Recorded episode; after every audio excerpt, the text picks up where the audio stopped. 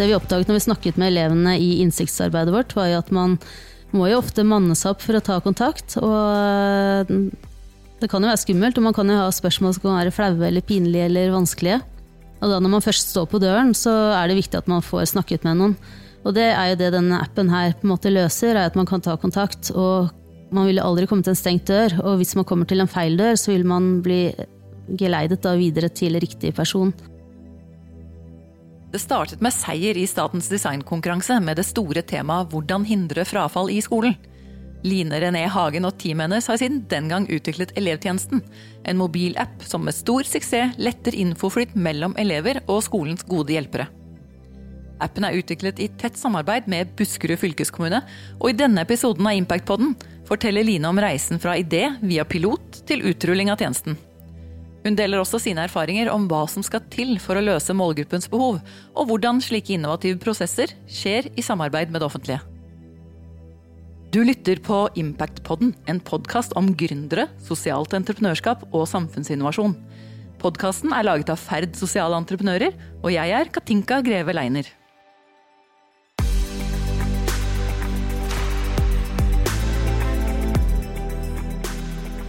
Velkommen til Ferd her på Lysaker. Line René Hagen, daglig leder i Visper, som er selskapet bak Elevtjenesten. Ja, tusen takk. Jeg er veldig glad for å få være her. Vi skal jo komme tilbake til dette her med reisen din i forhold til det offentlige og erfaringer du har gjort deg. Men aller først så må du nesten fortelle oss litt om hva elevtjenesten er, eller hva den gjør. Elevtjenesten er en digital tjeneste som gjør det enklere for eh, elevene å få kontakt med hjelperne ved skolen eh, når de trenger det, når de har et spørsmål. Det vi oppdaget når vi jobbet med innsiktsarbeidet til den tjenesten, var at det var en ganske stor mismatch mellom eh, hjelperne sin åpen eh, dør-policy. De var jo på kontorene, og de kunne jo nås når som helst, men eh, ofte så var de jo opptatt med å snakke med andre elever. Og, og elevene de opplevde jo at hjelperne ikke var så tilgjengelige. Ofte visste de heller ikke hvor de var hen. Så det er jo det den tjenesten gjør. Den gjør jo hjelperne mer tilgjengelig for elevene. Men Skal den da liksom erstatte helsesøster eller sosiallærer? Nei, ikke i det hele tatt. Eh, elevtjenesten det er en eh, første foten i døra-løsning. Det er eh, ikke et behandlingstilbud, og det vi, understreker vi veldig ofte. Fordi det er så viktig at uh, elevene får snakke med, med, hjelperne når de trenger det, men det er på en måte den første kontakten. Og også så er det et sted man kan ta kontakt hvis man har et spørsmål som er enkelt. Ofte kan man da løse dette ut i appen, og slipper å møtes eh, fysisk. Nettopp, så er det en slags sånn chatting i den appen? Ja, det er en meldingstjeneste. Mm -hmm. mm. Ja, og både se, okay. så, Men er det sånn instant, da? At du får det med en gang, eller?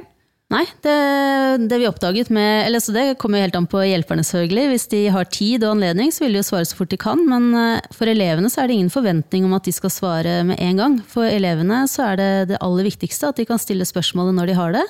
Og få det liksom av hjertet, på en måte. Og så at de får svar i løpet av en dag eller to, det er på en måte helt, eh, helt uh, greit. Men når de gjør dette, og dere skal ha tilgang til alle disse hjelperne inn i appen, hvordan klarer dere å sortere, sortere appen mellom de forskjellige gode hjelperne? For det er jo mange der ute? Det er veldig mange hjelpere som kan ligge i appen. Og det er noe også skolene selv styrer, hvem som skal ligge i appen. Vi har jo på en måte bare laget skallet uh, hvor disse hjelperne er tilgjengelig. Så skolen velger selv hvem de skal legge inn i appen. Og man kan jo velge å ha rådgivere og helsesykepleier og ressurser som er tilgjengelige på skolen, men man kan jo også velge å legge inn uh, hjelpere som på en måte kommer fra fylkeskommunen, da, som på en måte deles på hele fylket. Mm. Uh, det appen gjør, er at man, elevene, når de tar kontakt, så vil man jo ha mange til, hjelpere tilgjengelig. Uh, og det er ikke alltid at man kanskje tar kontakt med riktig hjelper med en gang. Men det den hjelperen da kan gjøre, er jo sammen med eleven bli enige om å sende han videre i appen. Så det er en form for samhandlingsverktøy i appen for hjelperne. Hvordan er tilbakemelding fra de faktisk menneskelige gode hjelperne på at de har et sånt verktøy? De syns jo det er veldig fint at de kan uh, samhandle i appen. Uh, det gjør det jo enklere for dem i hverdagen, og de blir også trygge på at eleven får uh, riktig hjelp. Det vi oppdaget når vi snakket med elevene i innsiktsarbeidet vårt, var jo at man må jo ofte manne seg opp for å ta kontakt. Og eh, det kan jo være skummelt, og man kan jo ha spørsmål som kan være flaue eller pinlige eller vanskelige. Og da når man først står på døren, så er det viktig at man får snakket med noen. Og det er jo det denne appen her på en måte løser, er at man kan ta kontakt, og man vil aldri komme til en stengt dør, og hvis man kommer til en feil dør, så vil man bli geleidet da videre til riktig person. Så at du vil jo alltid komme til rett person. Mm. Mange unge kan jo ha behov for hjelp utover det som venner og familie kan gi dem. Det, det, har vi jo hørt mye om, eh, og kanskje har man ikke så mye venner og familie som stiller opp heller. Så, så det å kunne ha tilgang til de gode hjelperne der, det er jo Eller høres veldig bra ut. Men kan du si oss noe om hva som skjer hos de elevene som da får denne tilgangen gjennom appen? Mm. Ja, nei, Vi har jo hatt uh, veldig god effekt av appen. Uh, vi har uh, gjennomført en spørreundersøkelse i mai. og Det var jo rett og slett overveldende. I løpet av en halvtime fikk tre, så fikk vi 300 svar. Så Hei. det var jo kjempegøy. Og en veldig god bekreftelse på de tankene vi selv har hatt i forhold til appen. Vi ser jo at vi kan si det, Appen er jo todelt. Den består av en meldingsdel og ofte stilte spørsmål. Og det vi ser er jo at ofte stilte spørsmål det er avlastende for hjelperne. Elevene bruker mye tid der og ser en høy nytteverdi i, i eh, de ofte stilte spørsmålene. De finner mye gode svar der. Og dette er jo spørsmål som skolene selv eier og kan redigere, da, -hmm. slik at de er lokalt tilpasset og høyst aktuelle for elevene. Og så ser vi også i forhold til eh, meldingsdelen, det å kunne ta kontakt med hjelperne, få en oversikt over hjelperne, hvem de er, hva de kan hjelpe deg med. Og også kunne ta kontakt med dem direkte i appen. Det er veldig verdifullt for elevene.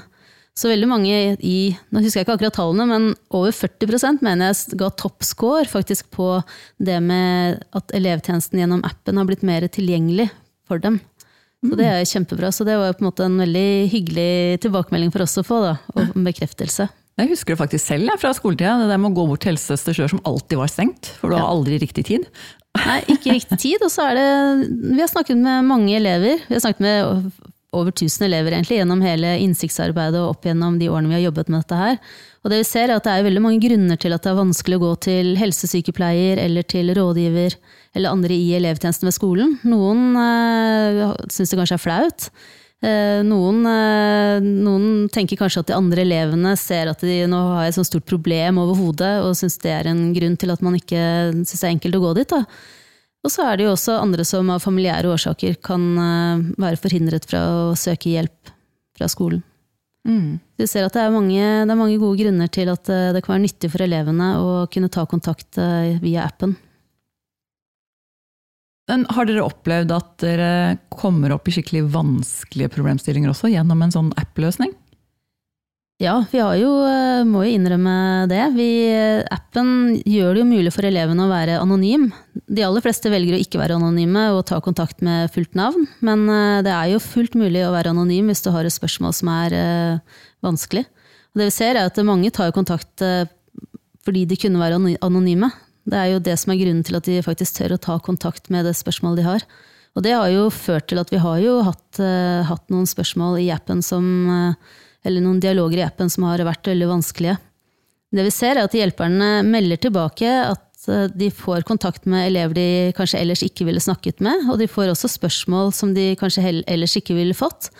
Eh, så, sånn sett så er det jo veldig fint. Den gir jo et tillegg til elevtjenesten slik den er i dag uten appen. Eh, men vi ser jo også at det, har jo kommet alvorlige har kommet, Vi kjenner til én. Elevtjenesten er en veldig trygg eh, meldingsfunksjon, så vi har ikke noe tilgang til noen, til noen uh, informasjon i den. Uh, men vi har fått meldt tilbake fra, fra en hjelper blant annet, at uh, han har blitt kontaktet da med et, en elev som Eller et ungt menneske, som en bruker, som vurdert som ikke ville leve lenger. Mm. Og det er jo en kjempevanskelig situasjon å komme i. Og man kan ikke gjøre noe annet enn å prøve å gi så gode råd man kan, og være et medmenneske i den situasjonen. Det vi så i ettertid, var at det var jo ingen som eh, Det var ingen dødsfall eh, i forhold til selvmord etterpå. Så vi vet jo ikke om det var appen som gjorde det, men det kan hende at det, det mennesket fikk de rådene, eller fikk snakket med det mennesket det trengte akkurat der og da. Som mm. gjorde forskjell. Så, ja, fin tanke i hvert fall. Og ja, det er det. Um, ja, absolutt. Dere har altså en i tillegg til at dere nå har et unikt produkt, da, så har dere også en ganske unik reise vil jeg si, i hvordan dere har kommet fram til produktet deres. Fordi mm, dere er den første innovative anskaffelsen som vi vet om her i Ferd, eh, som er gjort eh, i Kommune-Norge overfor en, en da, ny tjeneste opp og gå. noe såkalt tjenesteinnovasjon. Mm. Det syns vi er litt artig. Men hvordan fant Buskerud fylkeskommune frem til dere, egentlig? Eh, nei, så vi, eh, vi var med i Statens designkonkurranse i 2013. Vi har vært med på den konkurransen et par ganger før og vært heldige da, så vi søkte igjen. Eh, og vant konkurransen. Og da var det Buskerud fylkeskommune sammen med Helse- og omsorgsdepartementet og Helsedirektoratet og Norsk Form, som nå heter Doga. Så de fire de hadde sammen denne konkurransen. Eh, hvor da oppgaveteksten var eh, hvordan man kunne eh, hvordan man kunne hindre frafall i den videregående skolen. Så det var på en måte et stort spørsmål, et stort åpent spørsmål. Så vi jobbet jo med dette prosjektet.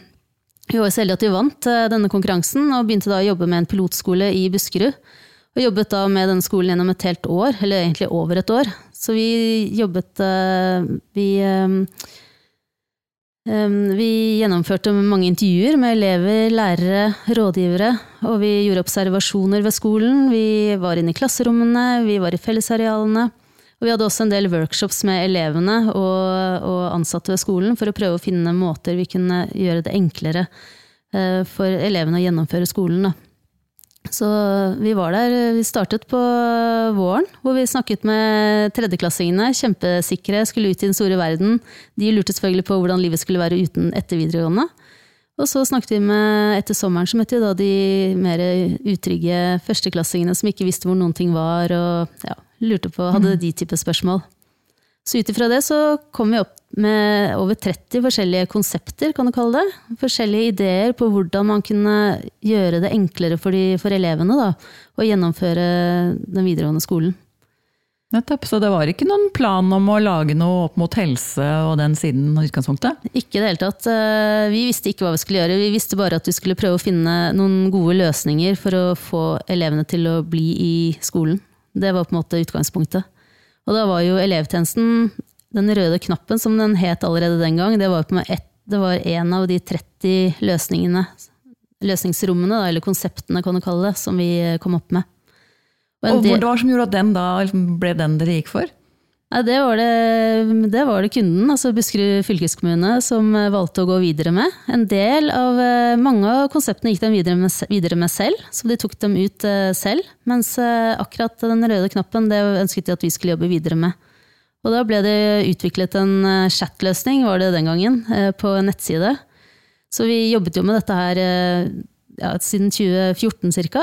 Et par år jobbet vi med denne nettsiden som fungerte sånn helt passe, egentlig. Veldig fint for elevene å kunne ta kontakt, men en chatløsning fordrer jo litt at man svarer med en gang, og det blir veldig vanskelig for hjelperne, som eh, har jo veldig mange andre oppgaver.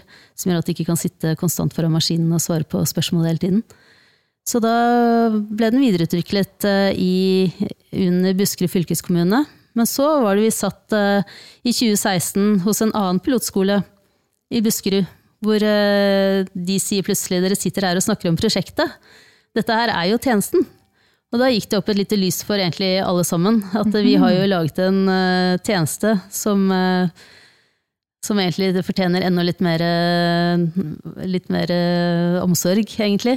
Så da ble Og litt flere kunder, kanskje? Litt flere kunder òg. Da ble det på en måte bestemt, bestemt sammen med Buskerud fylkeskommune da, at vi Designerne fikk prosjektet tilbake og tok det videre fra å være en pilot til å bli en, en ordentlig tjeneste. Men hadde dere noen diskusjoner da med fylkeskommunen rundt dette med eierskapet? For det hender jo at det offentlige, når de er med på utviklingsløp, gjerne vil bli med på eiersiden. Mm. Nei, eh, vi hadde, altså vi hadde, jo diskusjoner med dem om hvordan man kunne løse det, men for dem så var det veldig viktig å få til en løsning som fungerte veldig godt for elevene. Og vi designerne jo, så jo veldig hvor viktig dette prosjektet var, så vi ville veldig gjerne få lage det på vår måte, sånn vi tenkte at det skulle være.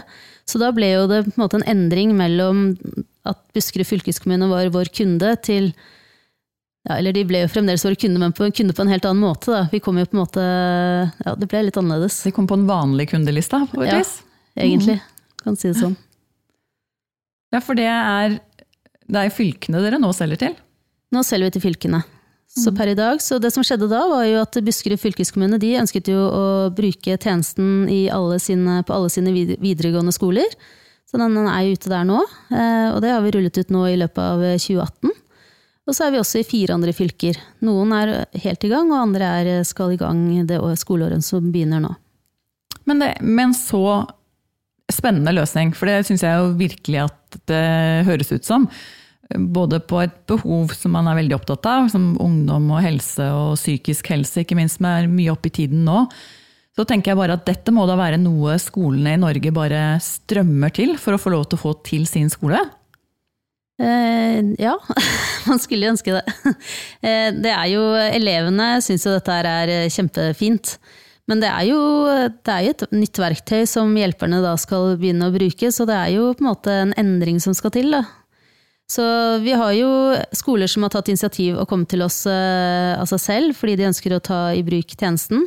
Men så er det jo også Vi har jo til nå forsøkt å selge direkte til fylkeskommunene og tenkt at det er bedre å få et helt fylke av gangen. Og det er egentlig Grunnen til det er fordi da, man kan da samhandle med flere. Man kan dele ressurser i appen som gjør at den blir enda bedre for elevene. Da. Så eksempel i Buskerud så har man en minoritetsrådgiver i Drammen som nå blir brukt, eh, som er tilgjengelig for alle elevene i hele fylket. Så ja, det for det blir jo ikke geografisk bundet, nei, inn i appen? Ja, det, så da får man på en måte flere hjelpere inn. Og man ser også at eh, fylkeskommunene har jo mulighet til å ta ansvaret for hele kullet. Man snakker om kulleansvar i dag, også de som dropper ut av skolen, eller de som er i yrkesfaglige, som er ute um, i læra.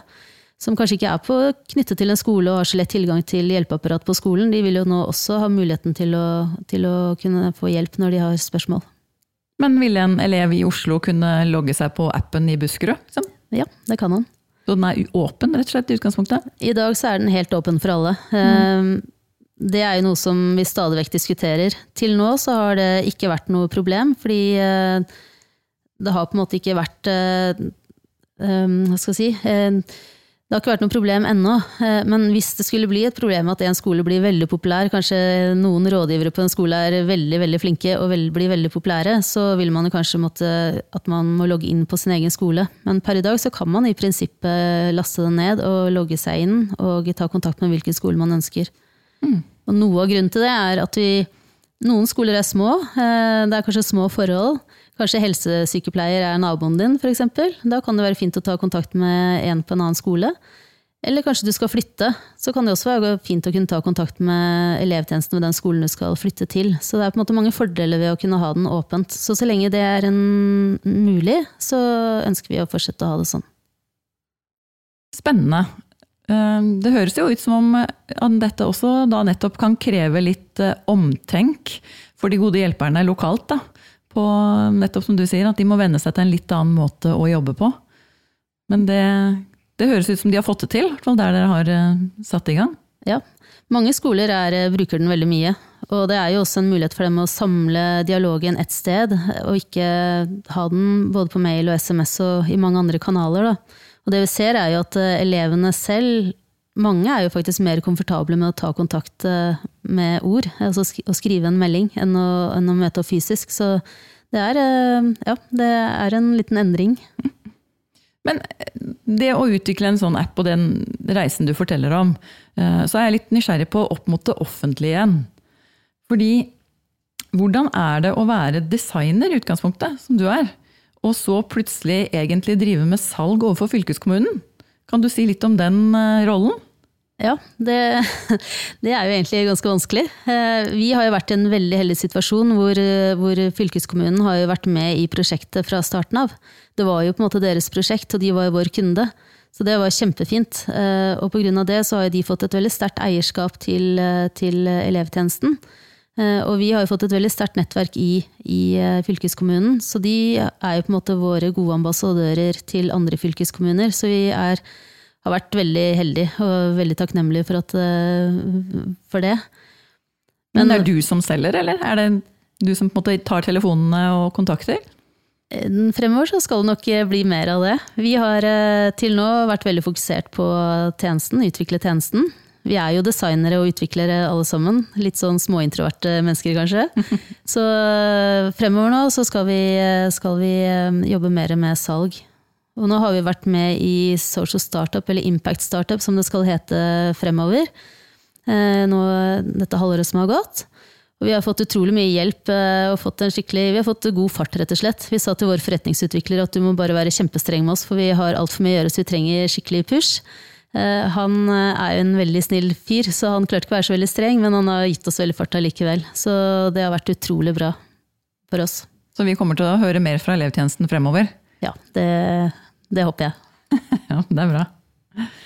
Eh, jeg blir jo sittende og fundere litt på veien videre, da. Hva slags ambisjoner dere kommer til å ha fremover? Ja, vi har jo Altså Vår målgruppe primært nå er jo videregående skole, så vi har jo tenkt å fortsette å jobbe med den. Eh, vi er jo inne i fem fylker allerede, og nå er det jo fylkessammenslåinger, så vi ser at det kanskje kan være en fordel for oss. Så vi håper å få den ut til så mange skoler som mulig. I tillegg så vi, er vi i gang med et pilotprosjekt på ungdomsskolen. Vi ser at eh, tjenesten kan gjerne bli brukt tidligere, men da må vi nok sette i gang et lite tjenestedesignprosjekt igjen for å avdekke hvordan den skal måte fungere mot eh, de som er en målgruppe som er yngre, de andre spørsmål, og også kanskje foreldrene må være involvert på en annen måte. Så vi har det. Ehm, I tillegg så ser vi jo mot andre markeder også. Det er jo vi har jo på en måte laget en tjeneste som kan brukes til veldig mye forskjellig. Så det er ja, veldig mange muligheter. Ikke bare skole, kanskje? Er, Nei, vi ser jo at det, er, eh, det kan jo bli brukt i større bedrifter. HMS. Det kan bli brukt innen helse. Det kan bli brukt Forsvaret. Det er, så det er mange muligheter for eh, hvor den kan brukes. Vi, jeg ser jo meg selv sittende i en stol sånn om noen år der hjemme. Altså ta opp mobilen min med litt sånn skjelvende hender og trykke på en knapp fordi jeg lurer på hva som egentlig feiler meg. Mm. Kan brukes i sånne situasjoner òg. Altså, vi, vi, liker å tenke store tanker, så vi har tenkt at den kanskje kan være en livsløpsapp. At den kan følge deg egentlig fra før du blir født, egentlig. Den kan følge deg fra helsestasjonen hvor du på en måte, og gjennom hele livet. Fordi det handler jo egentlig bare om å putte riktige hjelpere inn i appen for deg på, i den livsfasen du er i. Så vi tenker jo egentlig at den kan bli brukt eh, mot, ja, gjennom livet, egentlig. Vi er jo yngre og yngre vi, før vi blir introdusert for vår første app. Ja. Men ja, det er første gang jeg har hørt noen snakke om helsestasjonen. Altså, det var kanskje litt tidlig. Men jeg skjønner absolutt poenget ditt. Eh, så nei, det er interessant. Noe med at verden er på mobiltelefonen for oss i stadig større grad. Mm. Dere har forsøkt å gjøre tilgjengeligheten til de gode hjelperne tydelig for elevene på den måten. Ja. På en plattform de kjenner. Ja. Det er eh, superspennende. Da jobber vi også med for Hele bakgrunnen for prosjektet var jo å forhindre frafall. Og det vi ser er jo når en elev ikke dukker opp på skolen, det er da på en måte den første varselklokken ringer om at nå er denne eleven i ferd med å falle fra. Ehm, så det vi også snuse litt på. Vi er i kontakt med en internasjonal aktør i forhold til eh, store data. Kanskje man kan se litt på prediksjon. Det hadde vært utrolig spennende hvis vi i fremtiden kunne predikere hvordan, hvordan situasjonen på skolen er, og kanskje kunne gjøre, gjøre um, At man kunne gjøre noe i forkant, og ikke drive med brannslukking. Drive med forebyggende arbeid i stedet for å drive med brannslukking etterpå. Så appen tar kontakt med eleven, og ikke motsatt? Ja, Hvordan man skal løse det, det, det får vi se. Nei, det er jo det spennende, tenker jeg, med sånn tjenestedesign-inngangen. Eh, å se på alle som er involverte, og hva man ønsker å oppnå, og så prøve å tenke kreativt ut fra det. Ja. Og det har jo på en måte vært hele grunnlaget for appen vår, er jo at vi har jobbet med elevene, og også hjelperne, eh, hele veien. Det er jo på en måte de som har tegnet, eh, tegnet løsningen. Kommet med hvordan den skal fungere. Og det vi ser er jo Det er veldig viktig for oss å fortsette å jobbe med den tankegangen. Så fremover nå så kommer vi til å involvere hjelperne og elevene årlig i eh, en ordentlig idédugnad, sånn at vi hele tiden kan sørge for at appen er eh, oppdatert og relevant for eh, de som bruker den.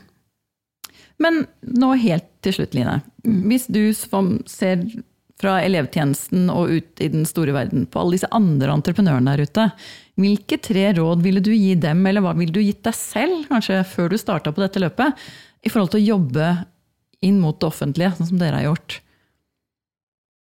vår erfaring er jo at siden vi jobber så tett med vår kunde eh, allerede fra starten av, før egentlig prosjektet ble til, så har jo det vært, gitt oss en enorm eh, fordel. Så det å kunne samarbeide med fylkeskommunene i utviklingen, det tror jeg er en kjempeverdi. Så det vil jeg absolutt anbefale de som har muligheten for å gjøre det, til å gjøre det. I tillegg så er eh, det offentlige er ganske uoversiktlig. Det er vanskelig å få oversikt over hvordan beslutninger blir tatt. Så sette seg inn i hvordan, hvordan det er. Jeg har det ennå ikke helt selv, men, eh, men, jeg jobber med saken. Eh, fordi det er jo politiske beslutninger, så det er, på en måte helt annerledes enn det er i det private markedet. I hvert fall når du skal ha med fylkeskommunen, som du sier, hele veien som ja, kunde. Definitivt. Og så er det rett og slett man må være tålmodig. Ting tar veldig lang tid eh, når det skal besluttes, og det blir jo litt sånn større beslutninger da, hvis man skal ha med alle skoler f.eks. Og så må man tørre kanskje å være med å teste litt, ha, en, ha, noen piloter her og der. Teste løsningen, la dem få se hvordan det er, før man på en måte får alle. Så mange endringer underveis. Ja, det er det. Det er flott. Tusen takk, Line, for at du delte og tok deg tid til å snakke med oss. Så ønsker dere veldig veldig lykke til videre i intens salgarbeid mot uh, alle landets fylker. Tusen takk, og takk for at vi fikk komme. du lytter på Impactpodden, en podkast om gründere, sosialt entreprenørskap og samfunnsinnovasjon.